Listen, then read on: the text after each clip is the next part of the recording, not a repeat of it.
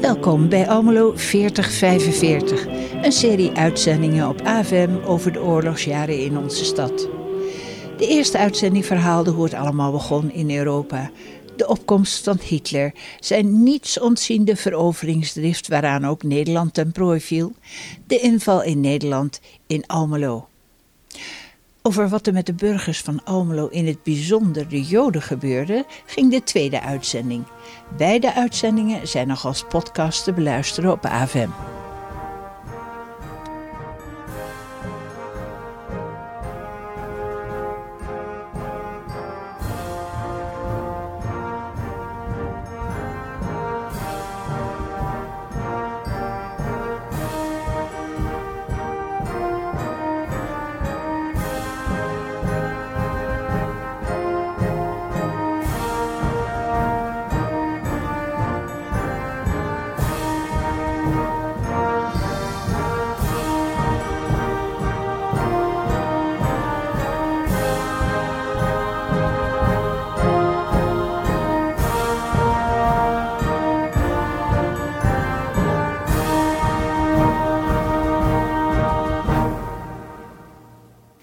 Er zullen nu nog maar weinig mensen in leven zijn die dit herkennen, want het moet ook in Almelo geklonken hebben.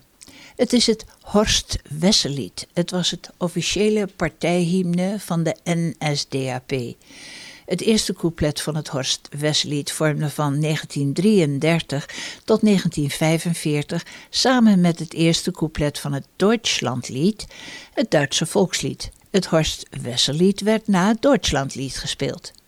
Sedert 1945 is het in Duitsland en sedert 1947 in Oostenrijk verboden het lied in welke vorm dan ook ten gehore te brengen. Wij, dat zijn Katja Knol en ik, Jenny van Dorsten, bezochten Koen Cornelissen. Hij verdiepte zich meer dan 40 jaar in de Tweede Wereldoorlog, sprak met veel mensen, zocht in archieven om de feiten van die jaren boven water te krijgen. Hij is de schrijver van een tiental boeken, waarvan de meeste over de Tweede Wereldoorlog. In deze uitzending gaat het over de NSB, de Nationaal Socialistische Beweging, afdeling Almelo. Op de hoek van de straat staat een NSB'er. Het is geen man, het is geen vrouw, het is een fariseer. Met een krant in de hand staat hij daar te venten. Hij verkoopt zijn vaderland voor vijf losse centen. Zonder schaamgevoel op zijn vals gezicht, op de ruimen is het doen van die rustverstoorde sluiprecht. Kijkt hij rond of hij kopers vond, op de ruimen is het doen van die rustverstoorders. Op de hoek van de straat staat een NSB'er. Het is geen man, het is geen vrouw, het is een fariseer. Met een krant in de hand staat hij daar te venten. Hij verkoopt zijn vaderland voor vijf losse centen. Dat was Jetty Pearl. Ze wist aan het begin van de oorlog samen met haar ouders via België, Parijs en Bordeaux naar Engeland te ontkomen. Ze werkte als Jetje van Radio Oranje mee aan het cabaret De Watergeus van Radio Oranje, dat vanuit Londen uitzendingen voor het bezette Nederland verzorgde. En dan nu Koen Cornelissen over het wel en wee, want dat was er ook zeker, van de NSB in Almelo in de oorlogsjaren. Welkom Koen. Dankjewel. Vandaag gaan we het hebben over de NSB. Ja. Kan je een beetje schetsen hoe dat is gegaan in, uh, in Almelo? Wanneer dat begon, hoe het begon? Ja. In eh, heel Nederland begon het uh, omstreeks 33.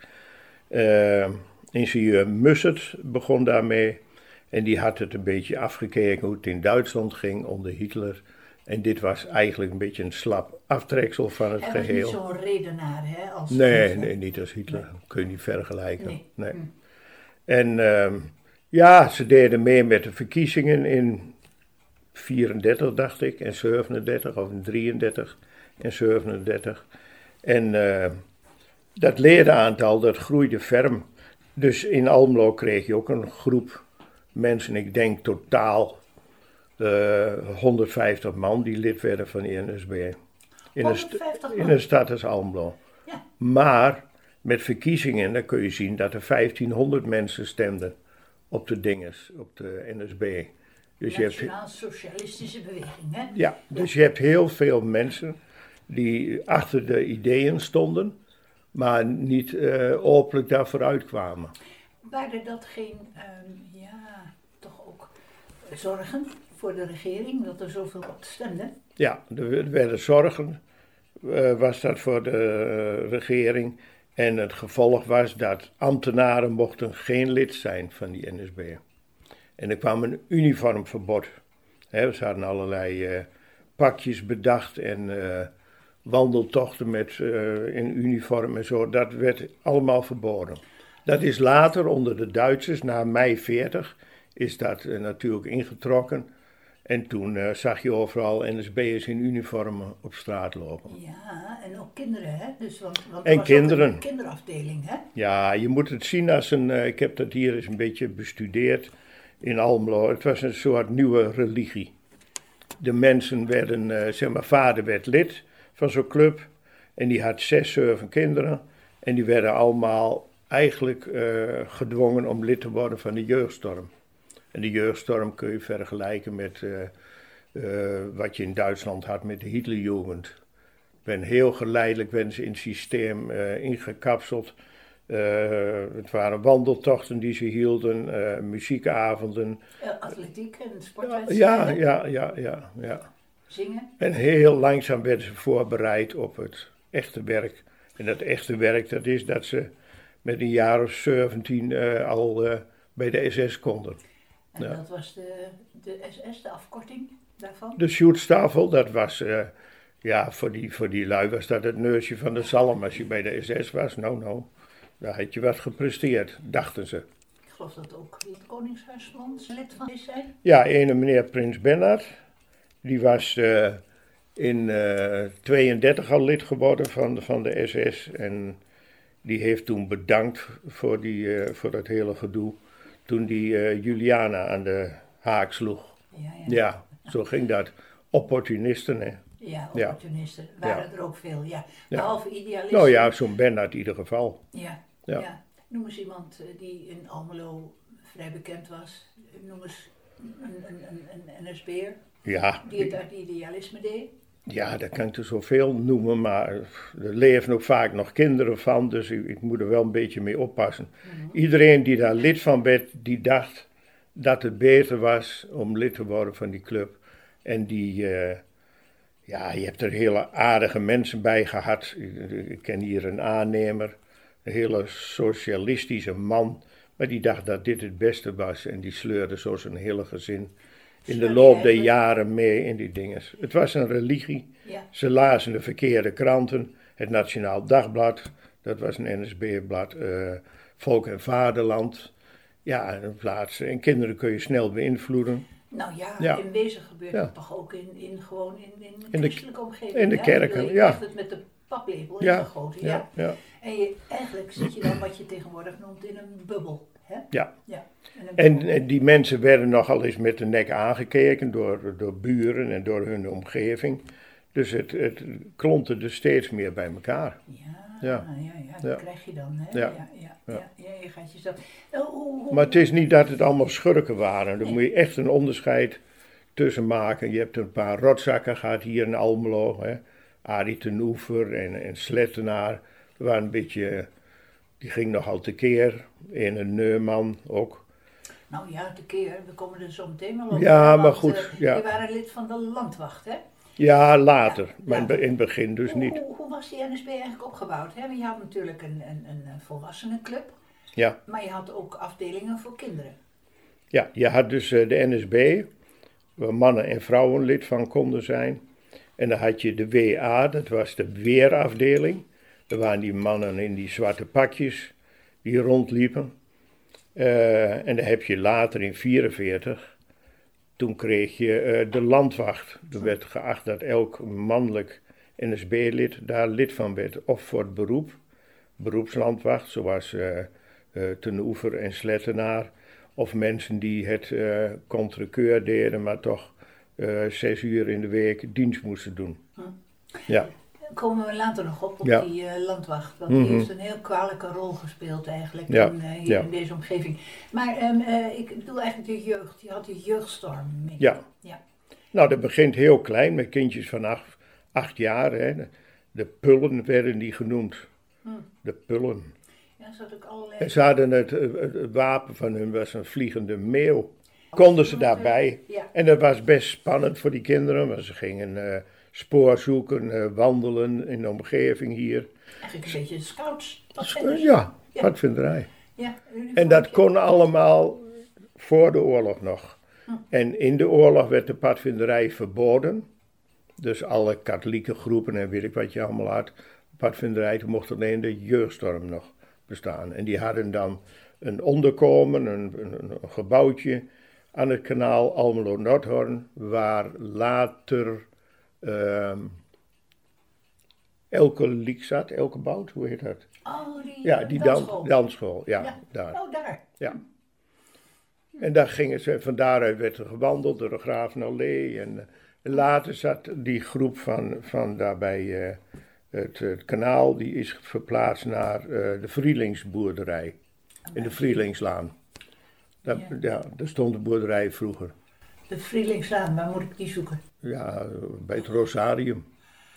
Ja. Ja. Oké, nee, dat Ja. is gewoon Ja. dat je een beetje eventjes kunt Ja. bepalen hoe, hoe de kaart eruit zag. Ja, ja, in, zo eh, was dat. In, eh, Maar het was maar een klein groepje hoor, die jeugdstorm. Ik heb dat eens een beetje, ik heb een paar mensen geïnterviewd die daarbij waren. Nou, ik denk eh 20 meisjes, 25. En dan wat minder jongens. Maar dan gingen er nogal wat af. Als ze dan 16, 17 jaar werden, ja, de SS. dan werden ze naar de SS geleid. Als ze dat wouden. Hmm. Of wa- waren goedgekeurd. En die SS die werden ingezet in, in, in de oorlog. In het frontgebied. In het Ja, frontgebied. Nu Ja. Rusland bijvoorbeeld, hè? toen begon het, ja. Ja, ja, ja, ja. ja. Ehm, ehm, In 1941 waren ze natuurlijk nog niet, eh, waren de Duitsers nog niet in oorlog met de Russen. Dat begon pas in eh, juli ze 41. hadden eerst een, eh, een soort verbond, hè? Verbond. Ja, Ze hebben samen eh, Polen aangepakt. Stalin en Hitler. Ja, Ja, ja.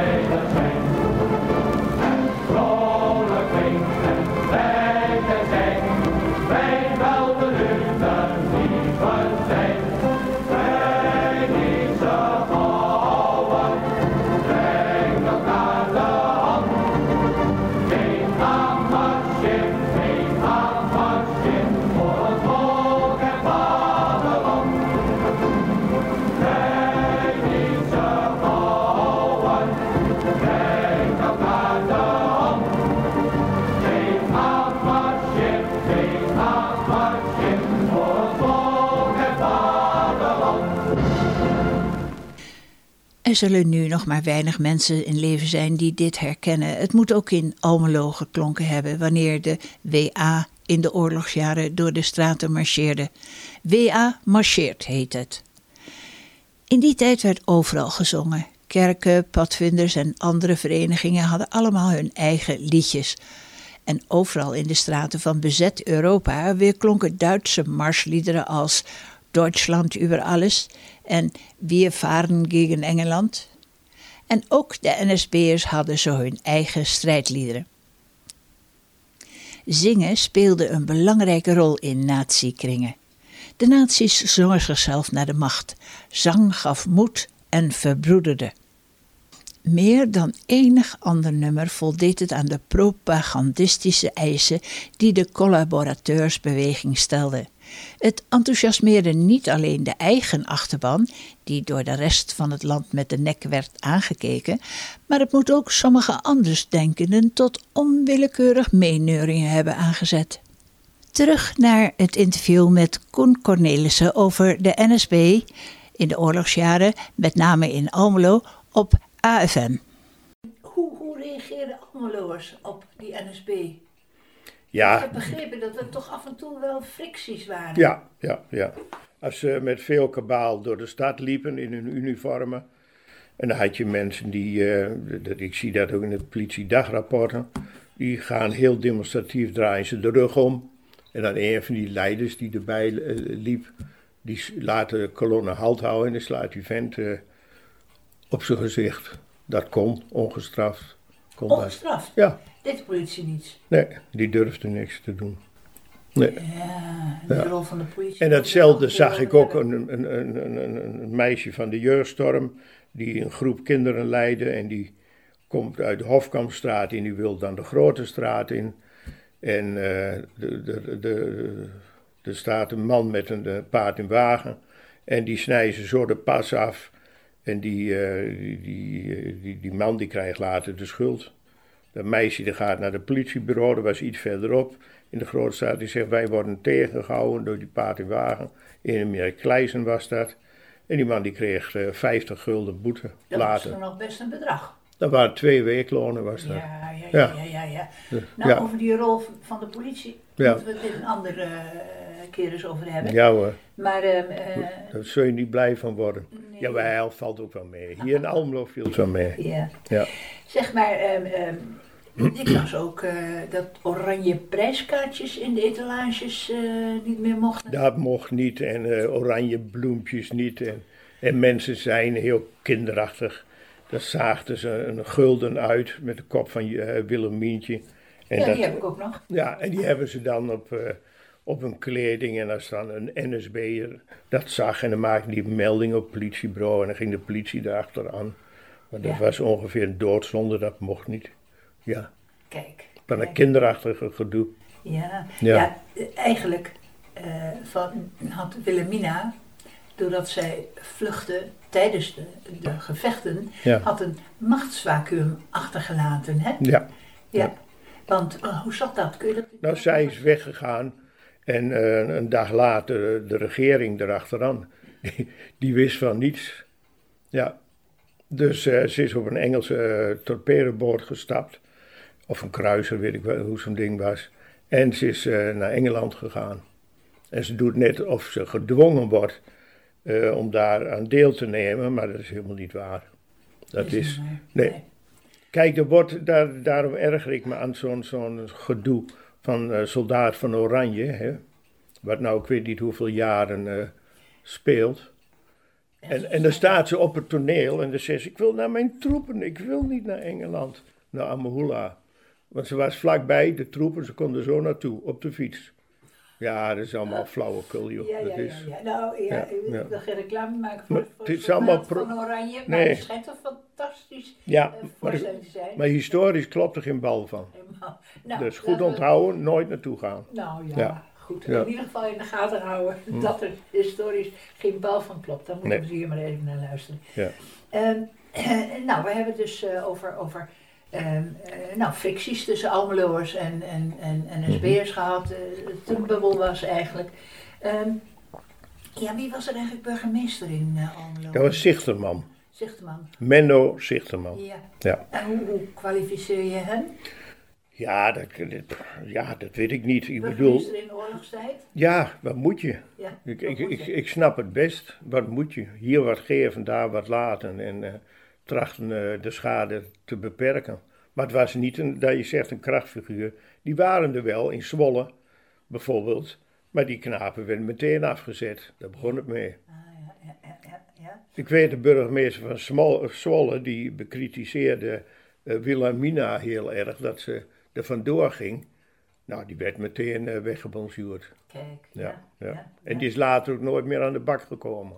Dat is Na de eigenlijk oorlog. kwalijk. Dat Ja. is kwalijk. Dat hè? is heel erg kwalijk. Ja, Ja. ja. ja, Ehm, op een gegeven moment eh, hebben wij toch ook nog eh, eh, hoog geplaatste personen hier in Almelo gehad. Sijs Inkwart en Anton Mussert. Die zijn hier in Almelo nog. Ja, maar dan praat je over het eind van de oorlog, hè? Ja, want daar wil ik het toch over hebben. Ja, Want maar zij is inkwart niet hoor.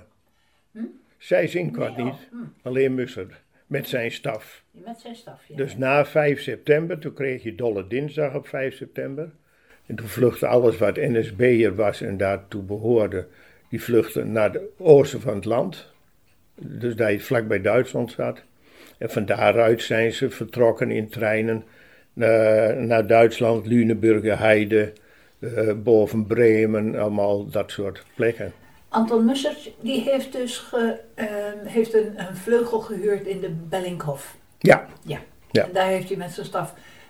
nou ja, de hele Bellinghof heeft hij bezet. Ah. Ja, Hij huurde dat. Hij huurde dat. Kostte 5000 eh, gulden per jaar. Ja, Ja. dat was er nog wel. Die dolle dinsdag die je net noemde, hè? Ja. Die, eh, kan je die eens beschrijven? Nou, het was dikke paniek in Nederland. Ehm, zeg maar, België was bevrijd, Antwerpen was bevrijd en de eerste troepen waren gezien in de buurt, eh, geallieerde troepen in de buurt van Breda.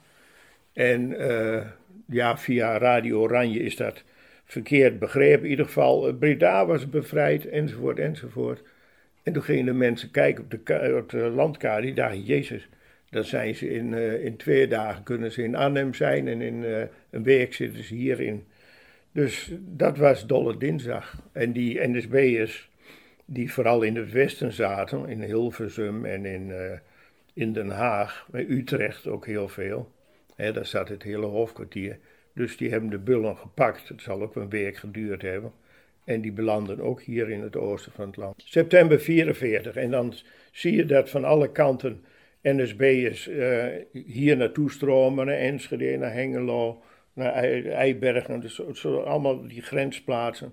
En dan worden ze door plaatselijke NSB'ers geholpen, Gehuisvest, ja. gehuisvest, tijdelijk. En dan gaat het in treinen. Zeg maar de groep uit Almelo, dacht ik dat die op 23 september vertrok. Een volle trein. Met, eh, en die stopte nog een keer in Hengelo, er kwamen mensen bij in. Die stopte in Enschede. Die trein werd nog beschoten in Duitsland door geallieerde vliegers. Nou ja, het waren nou ja. geen eh, bagagewagons, hè? Het waren toch wel gewoon fatsoenlijke... Gewoon waar, waar je in zitten kon. Ja. Ja, maar zo zijn Joden ook wel afgevoerd hoor. Ja. Ze gingen niet allemaal in bagagewagons. Nee. Maar eh, ze gingen dus naar Duitsland eigenlijk. Ja. En eh, ja, En werden daar opgevangen. Op de Lüneburger Heide veel.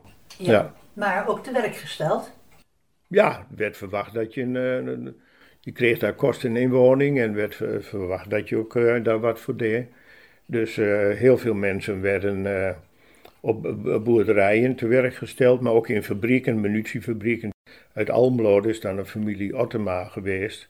En die, die moeder van dat gezin, die is daar met vier kinderen geweest. In, dat was in Langendam, vlakbij Nienburg. En die werkte daar in een... in een munitiefabriek. Is het slecht mee afgelopen, hè? Ja, daar is wat eh, fout gegaan, een granaat ontploft. En die is eh, begin februari 45 is die vrouw omgekomen. En toen zijn die kinderen in alle armoede zijn eh, eerst eh, naar, in de verpleging gegaan, daar in de buurt. En in februari zijn ze, eind februari, zijn ze lopend teruggegaan. Ja, ja. Ja, ja. Want dat was toch wel een, een, een voorbeeld van eh, hoe verkeerd het kan aflopen en hoe mooi het kan beginnen. Maar, Ja, Hè, ja, want die ja. hele familie heeft eigenlijk zwaar geleden. Die, eh, hè, Ja, die, die, maar heel veel NSB-families. Ja. Ik bedoel, je bent natuurlijk in de aap gelogeerd. Als je ouders daar bij die club waren, dat eh, wordt je je leven lang nagedragen. ja, Geheel ten onrechte. ja, En wat ook ten onrechte is, dat ze eh, symbool staan voor verraad. Maar dat is gewoon niet zo. Dat is gewoon niet zo. Ik kijk, ik kijk, ik weet gewoon uit allerlei eh, processtukken dat bepaalde mensen verraad hebben gepleegd. Die niet lid waren van NSB. En ik ken NSB'ers die eh, Joden in huis hebben gehad. Nou, nou, nou, Ja. neem nou die familie Ottema, die Ja. dan eh, behoorlijk strak in die NSB Ja. zat. En al die kinderen ook, hè. Eentje in de SS, geloof ik. Is Ja, meerdere, twee. Ja. In ieder geval, eh, die, daar, die daar heel zwaar in zaten. En daar ook, ook de prijs voor bepaald, hebben. Maar er was ook een, eh, een tak van de familie Ottema die Joden in huis had. ja, ja, dat is een broer van de oude Ottema. Ja, Ja. dus dat, En die had Joden in huis de hele oorlog door, vanaf 42. Ja. dat. Maar er was later water en vuur natuurlijk. Ja, Ja, ja, dat ja. kan je voorstellen. Ja, dat kan je voor. Komt nooit weer goed. Nee. Maar- Het kwam voor de oorlog al niet goed. Toen die oude lid werd van de NSB, toen eh, keerde de rest van de familie keerde zich af. Ja. En als ze dan eh 25 jaar getrouwd zijn, is geloof ik in 39 of zo, dan is er niemand van de familie. Al- alleen allemaal NSB'ers die op het feest komen. Ja. Ja, zo gaat dat. Ik wil het toch nog even hebben over die landwacht. Eh, Dat was eigenlijk een soort politie eh, om de NSB te beschermen. Ja. Want waarom eigenlijk? Omdat er regelmatig aanslagen werden gepleegd op NSB'ers in den landen. Hè? Dus in juni 44 is dat eh, opgericht, de landwacht. En eh, je had beroepslandwacht zoals Slettenaar en, eh, nou wie had je nog meer? Ten Ten Oever, ja. Ja. En die, die hadden daar een beroep van, die kregen salaris. En de gewone NSB'ers, die werden geacht om elke eh, week zes, zes uur dienst te doen. En die kregen, daar kregen ze betaald. Bewapend waren ze nauwelijks, ze kregen jachtgeweren die in beslag genomen waren. Dus in de volksmond werden ze dan Jan Hagel genoemd. Zo ging dat. Ja, Ja. Hagel, ja. Maar goed, die, die landwacht, die, die landwacht, die, die, eh, ja, die heeft zich niet geliefd gemaakt. Die was op, op jacht naar eh, eh, mensen die uit Duitsland waren gevlucht eh, voor de arbeidsinzet en eh, dat soort dingen. Onderduikers. Onderduikers en la, ook verzetsmensen hier in Almelo. Die zijn ook door landwachters eh, Verraden. opgehaald, verraden. eh, ja, ja, ja. Ja. ja, verraad was in alle lagen van de bevolking. Ja, ja, maar ook bij heel veel mensen die niet lid waren van de NSB. Ik heb, ik heb wel eens, eh, eh, na de oorlog heb ik eh, diverse SD'ers ge- geïnterviewd. Mensen die hier bij de sigaretdienst waren. En daar hoorde ik van dat in een stad als Almelo elke dag vijf, zes meldingen binnenkwamen. Elke dag. En dat gebeurde of anoniem door een briefje, of dat gebeurde door middel van de tuinman die daar werkte, of de keukenhulp die daar werkte, of meisjes op de typkamers. Hè, er waren allerlei burgers, ook ingeschakeld. Bij de, ja, er werd gekletst. Overal werd gekletst. En ik hoorde van die, van die SD'er, hij zegt, eh, nou daar werd naar radio geluisterd, daar werd clandestien geslacht. Hij zegt, daar gingen wij het liefst over af. En op Joden, want die hadden allemaal geld bij zich. Ja, maar waar clandestien geslacht werd, je had hier een Almelo een slager, ik zal zijn naam niet noemen, eh, die slachtte clandestien en dan ging die naar de SD. Toen zegt hij, ik heb bij, bij die en die boer heb ik geslacht. Oh ja, nou. En, Ja. dan, en, en dan ging hij naar de sigaretdienst en dan zei hij, bij die en die boer heb ik geslacht. En eh, vorige week bij die en die. En dan ging die eh, SD erop af en dan werd de buit gedeeld. Die boer die ging naar kamp Erika en die werd gestraft en weet ik wat. Kamp Erika, Ja, waar is dat? bij Ommen. Bij Ommen. Bij Ommen. Dat was voor zwarthandelaren en voor eh clandestien slachten en weet ik wat. En, eh, en de, de buit werd Terug naar het interview met Koen Cornelissen over de. NSB in de oorlogsjaren, met name in Almelo, op. AFN. Ja. Nooit gestraft. Nee. Hij is gewoon slager gebleven. Clandestien slachten, alles, alles werd toch eh, doorgegeven. Het was niet alleen de NSB, die werd er wel op aangekeken eh, vaak. Ja. Hè? Maar eh, zeg, hoe is het afgelopen met die NSB'ers aan het eh, eind eigenlijk van de oorlog? Nou, die werden allemaal eh, ingesloten in het huis van bewaring en hier in de, in de Acacia school. Hè. Daar zaten er ook een paar honderd. Ah? Er zijn, ik denk dat er een dikke eh, 350 zijn opgepakt. Maar daar moet je ook mee oppassen. In het begin werden er ook mensen gearresteerd die eigenlijk niks gedaan hadden. Als je hekel aan iemand had, en eh, ja, toen die BS, die moest dat doen, Binnenlandse strijdkracht, nou dat Ja. was niet het beste van het beste. En eh, die haalden zo iedereen op. En later werd het meer gestructureerd onder het militair gezag. Toen werd het wat strakker, maar in het begin zijn er nogal wat fouten gemaakt. Die BS was natuurlijk eigenlijk een overgangssituatie, hè? Want, want Ja, om de orde te handhaven. Ja. Ja, ja, viel weg. En, Ja. eh, ja. Dat waren ook geen echte verzetsmensen. Hè? Nee, er werd van alles geronseld en iedereen. Nou ja, er werd gevraagd aan echte verzetsmensen, die hij hier niet zoveel, minder dan 1% van de bevolking. Maar ken jij mensen in jouw omgeving, tien mensen, die als de Duitsers weg zijn, die kunnen helpen om de orde te handhaven? Dat was de BS. Dat was de BS. Ja. En allemaal een bandje om de. Alles een band om en een blauw overal aan. En Ja, ja. Hebben goed werk gedaan, maar ook een hele hoop prut veroorzaakt. Hebben die, ehm, waren er ook, eh, eh, was er ook sprake van represailles eigenlijk, die de, vooral eh, die landwacht Nou, hier nauwelijks. nauwelijks? Ja, ze kregen enorm op hun donder in het huis van bewaring. Hè? Ja. Dat heb ik wel gelezen. En vooral als ze niet wilden bekennen.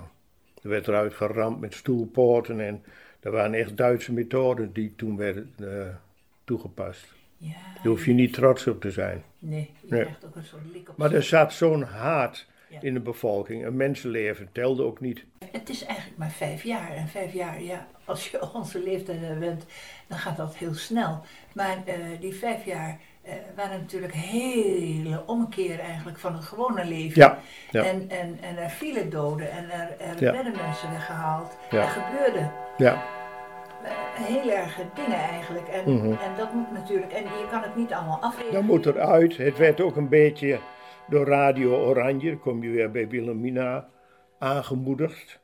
eh, van eh, straks is er geen plaats voor NSB'ers en we zullen ze eh, de zwaarste straffen geven en zo. Is dat ook gebeurd? nou, op sommige plekken wel, zeg maar in Scheveningen. Als daar de NSB'ers zaten, was je heel slecht af. Ja, Hoe is het met die, maar hier, hier in Almelo viel dat mee. hoe is het met die slettenaar afgelopen? Nou, die is veroordeeld, die kwam in 51 of zo weer vrij. In eerste instantie kregen ze levenslang. En, eh, en dan krijg je allerlei gratiegolven eroverheen.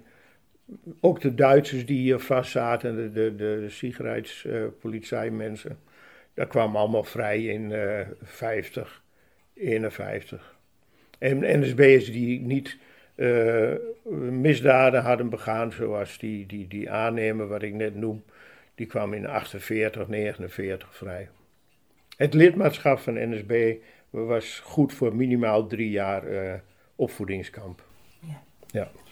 Als ik dan gewoon een persoonlijke vraag stel, Koen, Hm. eh, is, ehm, je bent er nou, ik denk toch wel een jaar of 25, 30 mee bezig geweest? Nee, 40. Ve- Ja. 40 zelfs. Ja, ja.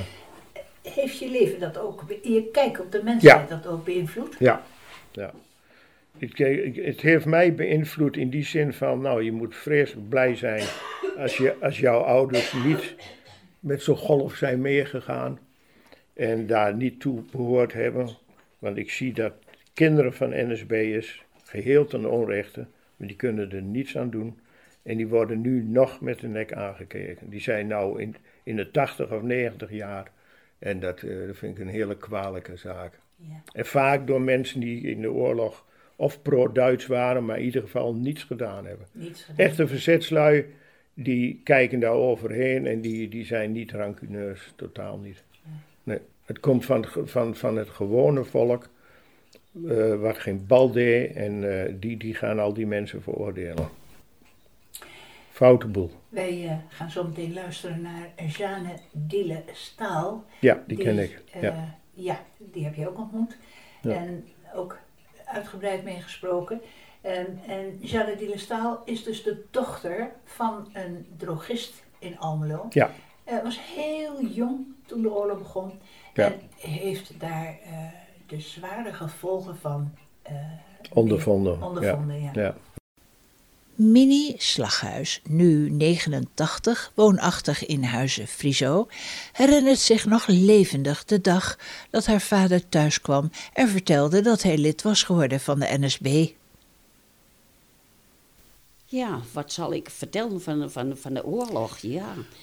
Ik heb mijn vader dus verloren door de oorlog. Niet lichamelijk, maar, maar geestelijk. Want die was dus eh, zonder overleg met, met eh, mijn, mijn moeder, was die bij de verkeerde partij gegaan.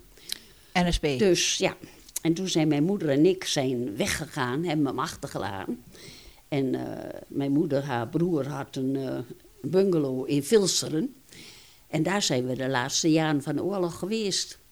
Want dat, dat, dat klopte helemaal niet samen. Mijn moeder was juist de andere kant uit. Dat was, kwam uit, eh, uit een, een, een, een zakenhuwelijk. En dan nou zoiets. Nee, dat, dat ging niet. En mijn vader was toch al het, het zwarte Schaap. schaap van de familie. Dus die is helemaal zonder familie en zonder dinges opgegroeid verder. Dus we hebben er nooit weer naar omgekeken. Nee, M- Moeder is gescheiden toen. ja, ja, was eigenlijk een van de allereerste scheidingen. Ja, was een hele schande eigenlijk. Maar ik vond het prima. Ja, Zo verging het moeder en dochter slaghuis. Voor Jeanne Diele Staal, in Almelo geboren, waren de gevolgen ingrijpender. Een paar jaar geleden interviewde ik haar voor het programma Seniorentijd op AFM. Jeanne is de dochter uit een NSB-gezin en ze leed zwaar onder de gevolgen van de keuze van haar vader. Totdat ze zich meldde bij de stichting Werkgroep Herkenning, afgekort SWH, en dat veranderde haar leven. Vandaag praten wij met Jeanne Dillestaal. Jeanne Staal groeide op in Almelo. Ze woonde in de Aanstraat. Haar vader was drogist. En eh, hij werd lid van de NSB. En over dat opgroeien in een NSB-gezin en de gevolgen daarvan voor de rest van het leven, daar praten we over met Jeanne. Welkom. Dankjewel. Eh Jeanne, wanneer begon dat eigenlijk? Wanneer eh, realiseerde je dat je vader lid was van de NSB? Eh, Dat mijn vader lid was van de NSB weet ik pas vele jaren later. Maar dat er iets aan de hand was, waar ik in eerste instantie dacht dat het alleen aan mij was. Dat begon in 42. Ik ging met kinderen naar de kleuterschool, heel gewoon. Op een dag komt mijn vader thuis in een uniform. En mijn ouders zeggen: Papa is nu bij de politie om de orde op straat te handhaven. Jij dacht dat hij bij de politie was. Dat werd ook zo gezegd door mijn ouders, dus heel gewoon. Maar De kinderen wilden ineens niet meer met mij spelen. heb je ook nog gevraagd waarom? Ze zeiden niet waarom. Hé. Hey. En soms denk ik dat ze het misschien niet eens wisten, denk ik nu. Ja, maar hoe, hoe, hoe komt het dan dat ze niet meer met je mochten spelen? Dat vroeg ik aan mijn moeder. Ja. Waarom willen ze niet meer met me spelen? En moeder zei, ach, dat doen kinderen wel vaker, dat gaat wel weer over. Maar het ging niet over. En ik dacht toen, nou, dan ben ik geen leuk meisje. Nee, nee, en dat heeft natuurlijk een hele impact op je hele leven. Hè?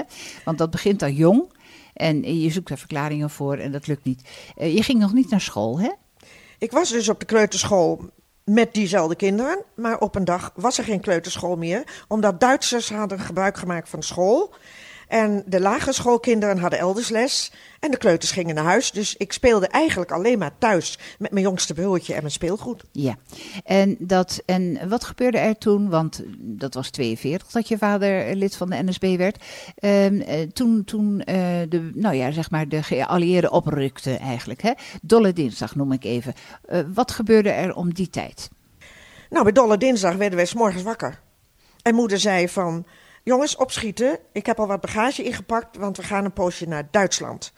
Dat was dus de vlucht waar meer dan 6000 moeders die dag, NSB'ers, met hun kinderen naar Duitsland vluchten. Maar dat wist ik niet en ze zeiden ook niet dat het een vlucht was. Ik dacht, dat is vakantie of wat ook. En we gingen met de trein en ik had nog nooit in de trein gezeten, dus ik vond het spannend. En hoe was de ontvangst daar in Duitsland? Nou, de ontvangst was eerst dat we in een schoollokaal, daar werden we opgevangen. En daar waren we een paar dagen. En mijn vader was meegegaan om te zorgen dat de moeders uit Almelo een plek vonden waar ze langer konden blijven wonen. Maar we waren daar helemaal niet welkom. Nee, jullie waren niet welkom daar. Want hoe beschouwde men jullie? Als landverraders. Ja, als landverraders, hè?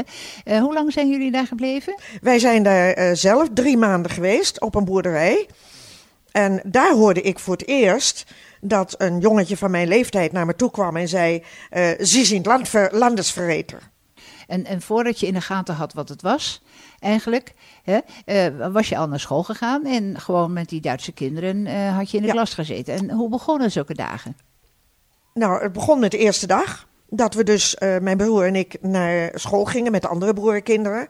En die zeiden dus allemaal, ze zijn landesverreter. En wilden niet met ons spelen. Ook niet. Ook niet. En ik begreep dus niet waarom. Ik begreep alleen, er is iets mis, niet alleen met mij, maar misschien met ons hele gezin. Jullie moesten ook de Hitlergroet brengen? Ja, wij kwamen op school, stonden in een lange rij en al die kinderen die brachten de Hitlergroet voor ze klas in gingen. En ik dacht, nou dat kan ik ook, Ja. want dat is dagjuffrouw in Ja. het Duits. Ja. Dus ik was er heel trots op dat ik dat deed. Ja, totdat je broer je vertelde Ja. dat dat wat anders was. Ja, mijn broer zei na school, wat deed je dan vanmorgen? Ja, ik zei dagjuffrouw in Duits, want dat deden die kinderen ook. En die zei dus toen, nee, dat is een groet aan die meneer die voor de oorlog heeft gezorgd. Er werd thuis trouwens nooit over de oorlog gepraat en ook niet over meneer Hitler. Maar ik begreep wel, dat is geen aardige meneer, want oorlog is niet fijn. Dat is het enige wat ik begreep van oorlog. En toen, eh, na, na die periode in Duitsland, toen zijn jullie teruggekomen, hè? Ja, mijn moeder wilde weer naar huis, naar Almelo. Ja. Want eh, ze merkte dat de bevrijders kwamen niet verder. Er wordt niet, werd niet gevochten in die hongerwinter. Hm, hoe, Nou, was de on- hoe was de ontvangst in Almelo? Eh, nou, de ontvangst was dat wij dachten dat we naar huis gingen. Maar dat mijn vader zei: nee, ik ben nu een poosje in een gebouw. Daar ben ik beheerder van. En het was een gebouw waar mensen die eh, moesten overnachten omdat ze niet door konden reizen, eh, sliepen. En daar zorgde hij voor. En dat was van de winterhulp van de NSB. Maar dat wist ik weer niet. Nee. En hoe lang heeft dat geduurd? Dat heeft geduurd dus tot ehm, eh, april 1945. Toen begon de bevrijding, ja. Maar in dat gebouw moest ik natuurlijk ook spelen. We speelden niet buiten in de kou, dat deden we niet. We hadden een lekkere kachel in een grote keuken. Daar speelde ik met speelgoed wat ik niet kende. Nee. En, En toen ik mijn moeder dus vroeg, hoe kom ik aan dat speelgoed? ja? Want het is toch niet van mij? Toen zei moeder, dat is van kinderen die verhuisd zijn en het niet mee konden nemen. En ik dacht gewoon eerst heel stom, als je gaat verhuizen, je kan je speelgoed niet meenemen. En toen dacht ik, nou, misschien zijn ze een poosje naar Duitsland. Want toen ik ging, kon ik ook mijn speelgoed niet meenemen. Maar toen ik jaren later hoorde waar ik mee gespeeld had en van welke kinderen, dat het van Joodse kinderen was, heb ik me heel erg geschaamd. Het heeft Ja. lang geduurd dat ik me daarover geschaamd heb. Ja, ja, die schaamte speelt een hele grote rol in je leven. Hè? Je woonde dus daar in dat gebouw, maar toen kwam de bevrijding eraan. En toen sloeg toch ook de angst toe bij mensen die in, bij de NSB waren. Ja, want toen was, het weer net, zo, afrekening. was ja. weer net zo gevaarlijk als eh, met. Dolle Dinsdag. En waar zijn jullie toen naartoe gegaan? En toen zouden we naar het noorden van het land gebracht worden met een paar vrachtwagens. eh, want daar zouden we veilig zijn. Ja. Want, dat hoorde ik moeders zeggen tegen elkaar... het noorden van het land zal wel nooit bevrijd worden. Daar wonen zoveel Duitsers, zoveel NSB'ers. Dat zal wel bij Duitsland ingelijfd worden. Maar dat bleek niet waar te zijn. Ik dacht zelfs nog van... wat is daar voor lol aan, want daar moeten ze ons ook niet. Maar goed, wij zijn daar gekomen... De vaders zijn daar eigenlijk niet meer gekomen, want toen was Almelo bevrijd en de vaders zijn opgepakt. Ja, wisten jouw vader had, zich, jouw vader had zich gemeld, hè? Mijn In, vader heeft zichzelf gemeld, maar anders jaar. was hij wel opgepakt. Ja. En is dus naar Westerbork gebracht. Eh, de moeders hebben heel lang niet geweten waar die vaders waren. Maar die Hm. zijn niet meer daar in eh Pekela, waar we kwamen, eh, terechtgekomen. En daar hebben wij toch de bevrijding meegemaakt. Ja, maar dat was toch niet zo'n vrolijke periode eigenlijk voor Nee, jullie? want toen waren we wel angstig. Ja. Toen had ik voor het eerst door dat het een vlucht was. Dus wat ik naar Duitsland niet door had, wist het nu wel. Ik wist alleen niet, waarom moeten wij vluchten? Hm. Wat Ja. is er met ons aan de hand? Ja, En als je dat dan vroeg, dan zei moeder, ben je nog te klein voor. Dat vertellen je later wel als je groter bent. Dat is En dan vraag je een standaard. Ja, dat is een standaard antwoord vaak om het te ontwijken. Hè? Ja. Maar jullie zijn teruggegaan naar Almelo. En hoe is dat gegaan? Met de trein? Nee, de- wij zijn lopend teruggegaan. Want de boer en boerin waren opgepakt. De andere moeders met de kinderen ook. Mijn moeder was geen lid geweest. En die zei van, ik wil weer naar, naar, naar Almelo en ik ga lopen dan. Want er is geen ander vervoer. En eh, jullie zijn dus helemaal gelopen. Hoeveel? Hoe lang? 145 kilometer hebben we vijf weken over gedaan. Vijf weken. Nou, een moeder nou, met nou. drie kinderen van 9, 6 en 3 jaar. Ja, ja. En uiteindelijk, dan kom je in Almelo. En dan denk je, aha, we gaan weer naar ons eigen huis. Ja. Maar dat was niet zo. Nee, we kwamen in de A-straat. Ze herkenden ons en ja, ze gingen ons ook uitschelden. En ze zeiden op een gegeven moment, je bent hier niet meer welkom. En in huis hoef je niet, Mhm. want daar wonen nu andere mensen in. Ja, uit huis gezet dus. Waar vonden jullie onderdak? Bij eh, opa, de vader van mijn moeder.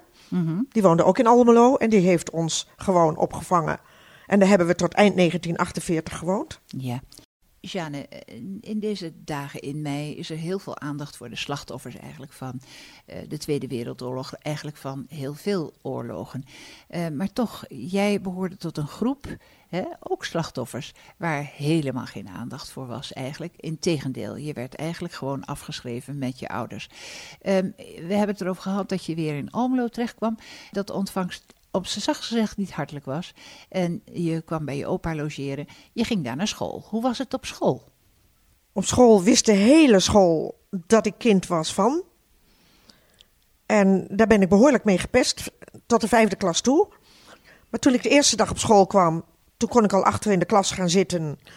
In een bank waar je altijd met z'n tweeën kon zitten, maar niemand wou ooit naast me zitten. Wilde ook niet met me spelen. En Wat, wat, wat doet dat met een kind als, als niemand met je wil spelen eigenlijk? dat ik slecht was. Dat je slecht was. Ja, ik was geen leuk kind. Dat was al lang gebleken. Er was iets slechts met ons. En eh, ja, nou, Dat, was het dan. Zo En groei je dan op, hè? afgewezen. afgewezen. En dat ging nog verder. Drie maanden later was de koningin jarig. In augustus, de eerste keer dat ze weer terug was. Groot feest. Versierde kar op school. Kinderen mochten erop zitten. En Sjaantje zou ook meedoen. En de dag daarvoor zegt de juffrouw aan mij: Sjaantje, jij kan morgen niet op die kar. Want jij hoort niet meer bij Nederland en jij hoort niet meer bij onze koningin. En dat begreep ik niet. Want ik woonde ook in Almelo. Ik zat ook gewoon op school. En ik durfde het niet te vragen of iets ervan te zeggen. Je bent niet in Almelo gebleven. Op een gegeven moment verhuisden jullie naar Den Haag. En toen begon een ander leven voor je. Ja, mijn vader kwam dus eind 48 uit het kamp. Kreeg weer een baan in Den Haag als drogist. En we verhuisden daar naartoe. Daar ben ik dus ook verder naar school gegaan. Maar er wist lekker niemand, iemand iets. En ik heb het ook nooit verteld. Keek wel uit. Je keek wel uit, Ja, ja. Ja. want als ze het weten, dan hoor ik er weer niet bij. Word ik afgewezen, mag ik weer niet meedoen. Ik heb een leuke tijd gehad Ja, als nou, tiener. Maar eh, toch, toch eh, is dat verleden eh, ehm, op blijven spelen. Hè? Ehm, op een gegeven moment, ehm, eh, je dochters, die, die hadden nou ja, toch eh, bepaalde eh, opmerkingen over je karakter. Hoe zat dat? Ja, op een gegeven moment dachten ze toen ze ouder werden van... Mama is een lieve mama, maar ze is anders dan andere moeders in bepaalde dingen. En dat ging er voornamelijk om dat ze zeiden... Mam, wij merken dat u zich altijd direct schuldig voelt terwijl u geen schuld hebt. Eh, aan iets. Of u schaamt zich direct van, oh jee. Of u bent bang dat u iets fout doet. Of u vraagt overal toestemming voor. Allemaal van die kleine dingetjes, gewoon in het dagelijkse leven... die anders waren dan bij een ander. Ja, terwijl je toch een behoorlijk assertief persoon bent. Of is dat van later? Ja, dat vonden ze ook. Ja. Nee, ze zeiden, mam, het past helemaal niet bij u. Ja. En ik begreep het toen niet. Ik denk, nou, wat bedoelen ze daarmee? Ik Dat ben gewoon dus- een aardig iemand. Ik wil Ja. graag, graag doen wat een Ja. ander fijn vindt. Maar dat bleef dus in je hangen eigenlijk, hè? Die, die, die opmerking van je dochters. Maar hoe kwam het er nou zo bij dat je je weer bent bezig gaan houden met het verleden? Dat is dus 13 jaar geleden geweest dat mijn jongste broer mij aangaf, mij belde en zei: Joh, moet je luisteren. Ik heb geen last van de oorlog. Ik was te jong en wat ook. Maar ik ben gewoon benieuwd, wie was mijn vader nou eigenlijk? En heeft hij eigenlijk alleen maar eh, vier jaar gezeten omdat hij lid was van de NSB of was hij bij meer betrokken? Hij zegt, en dat ben ik gaan uitzoeken in het Nationaal Archief in Den Haag. En ik heb inderdaad gevonden dat er meer dingen waren waar hij bij betrokken was geweest. Terwijl onze ouders alleen gezegd hebben: vader is alleen maar lid geweest van de NSB en nooit ergens bij betrokken. Wat wil je? Wil je wel of niet weten? Hoeft niet, maar. Nou, ik wilde toen wel weten. En toen schoot me dus weer te binnen ook wat mijn dochters gezegd hadden. Zou ik dan toch dingen mee hebben genomen in mijn karakter? Ja, met andere woorden, van, eh, begonnen een heleboel puzzelstukjes op hun plaats te vallen. Dat hoopte ik toen. Ja, En toen ben ik ook naar Den Haag gegaan. En daar heb ik dus inderdaad wat dingen gelezen waar ik van geschrokken ben. ja. Omdat ik het niet wist. Nee. En zelfs van mijn moeder die geen lid was geweest. En toen ging ik ook twijfelen aan mezelf. Maar van wie ben ik dan? Ben ik wel de persoon die ik ben dat ik denk dat ik ben? ja. Hoe ben je daar uitgekomen? Toen ik dat dus gelezen had en daarmee zat, toen dacht ik, ik wil hierover praten met andere kinderen van NSB'ers. Die misschien ook bepaalde dingen herkennen of weten dat het hetzelfde is. Daar ben ik mee gaan praten in een gespreksgroep van de werkgroep Herkenning. En daar herkende ik echt. Die anderen die hadden dezelfde karakterdingen ontwikkeld als ik. Mhm. En toen besefte ik dat het daar vandaan kwam en dat het niet nodig was. Met, eh, toen, toen ben je verder gegaan met die werkgroep. Ja, want eh, er moet toch wel heel wat leed eh, geweest zijn eigenlijk. Toen ben je verder gegaan met die werkgroep herkenning. Ja, en ik, ehm, wat doet die werkgroep nu ik ben eigenlijk? dus in, in de, in de hulpverleningsafdeling, zou je zeggen, van de groep terechtgekomen. Eh sowieso ben ik psychosociaal therapeut van mijn beroep, dus het was makkelijk om mij daar ook voor te vragen. En ja, dat is werk wat nog steeds, nu 69 jaar na de oorlog, nog steeds nodig is. Nog steeds kinderen van NSB'ers en zelfs al kleinkinderen van hebben karaktertrekken meegenomen waar ze tegenaan liepen of Ja. lopen nog. Ja, ja. En met niemand over kunnen praten. Want ook de hulpverlening wil wel helpen, maar weet snap vaak niet helemaal de niet. achtergronden, de finesse eigenlijk, wat er nou eigenlijk speelt. Hè? Maar je hebt toch een, een stichting eh, Sinaï of eh, je hebt toch ook eh, de stichting 4045. Die zijn toch ook voor tweede en, en Ja. derde generatie Ja. oorlogsslachtoffers. Hè? Want daar gaat het toch wel om. Daar gaat het om. En voor een gedeelte zouden ze kunnen helpen. Maar ook heel vaak passen we niet in die hulpverlening omdat het over echte slachtoffers gaat. En dat men dus eigenlijk vindt dat wij dat ook weer net niet zijn. Hè? Eh, daarbij eh, komt dat er, als het gaat om het zwijgen, wat onze ouders deden, wat we zelf gedaan hebben. We hebben nooit durven dat aan mensen te zeggen. Dat ook andere groepen dat niet deden. Maar wij konden het niet doen. Want als je het wel deed, dan waren we ineens weer slecht. Ja. Als Ja. andere slachtoffers het vertellen, eindelijk, dan hebben ze medelijden. Of En dan is het een opluchting. En behalve een opluchting is het ook.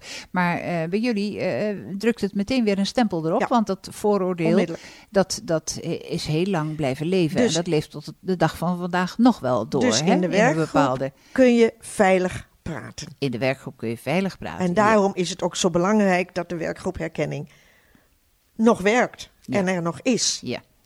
Eh, zelf heb je ook een manier gevonden om daar goed mee om te gaan. Eh, je in, vooral in deze tijd van het jaar heb je het erg druk. Ja, op een gegeven moment eh, vroeg Westerbork, die eh, een gastsprekersproject heeft over mensen, kinderen uit oorlog, eh, gevraagd of er ook van ons waren die hun verhaal wilden vertellen. En vanaf 2008 eh, ben ik dus druk, juist in deze tijd, op scholen, van groep 8 tot middelbare scholen, VWO 5 en dergelijke, om mijn verhaal te vertellen. Ja, en je verhaal is nog meer gebruikt. Hè? Het is ook gebruikt als, eh, ja, voor, als basis voor een boek. Het is ook gebruikt als basis voor een een roman. eh, waarin dus aan de romanfiguur toegedicht wordt veel van mijn gebeurtenissen, maar ook mijn gevoelens. Van wat voelt een kind nu? Kind uit die oorlog. Ja. Hoe beïnvloedt de keuze van je ouders? waar je zelf niets kinderen? aan kunt doen. Nee, je kiest niet waar je wieg staat. Nee, En toch word je daar Heb wel je de naar gevolgen beoordeeld. ervan? Ja, de gevolgen daarvan, ja. Ja, ja. Tot en- op de dag eigenlijk van vandaag. Hè?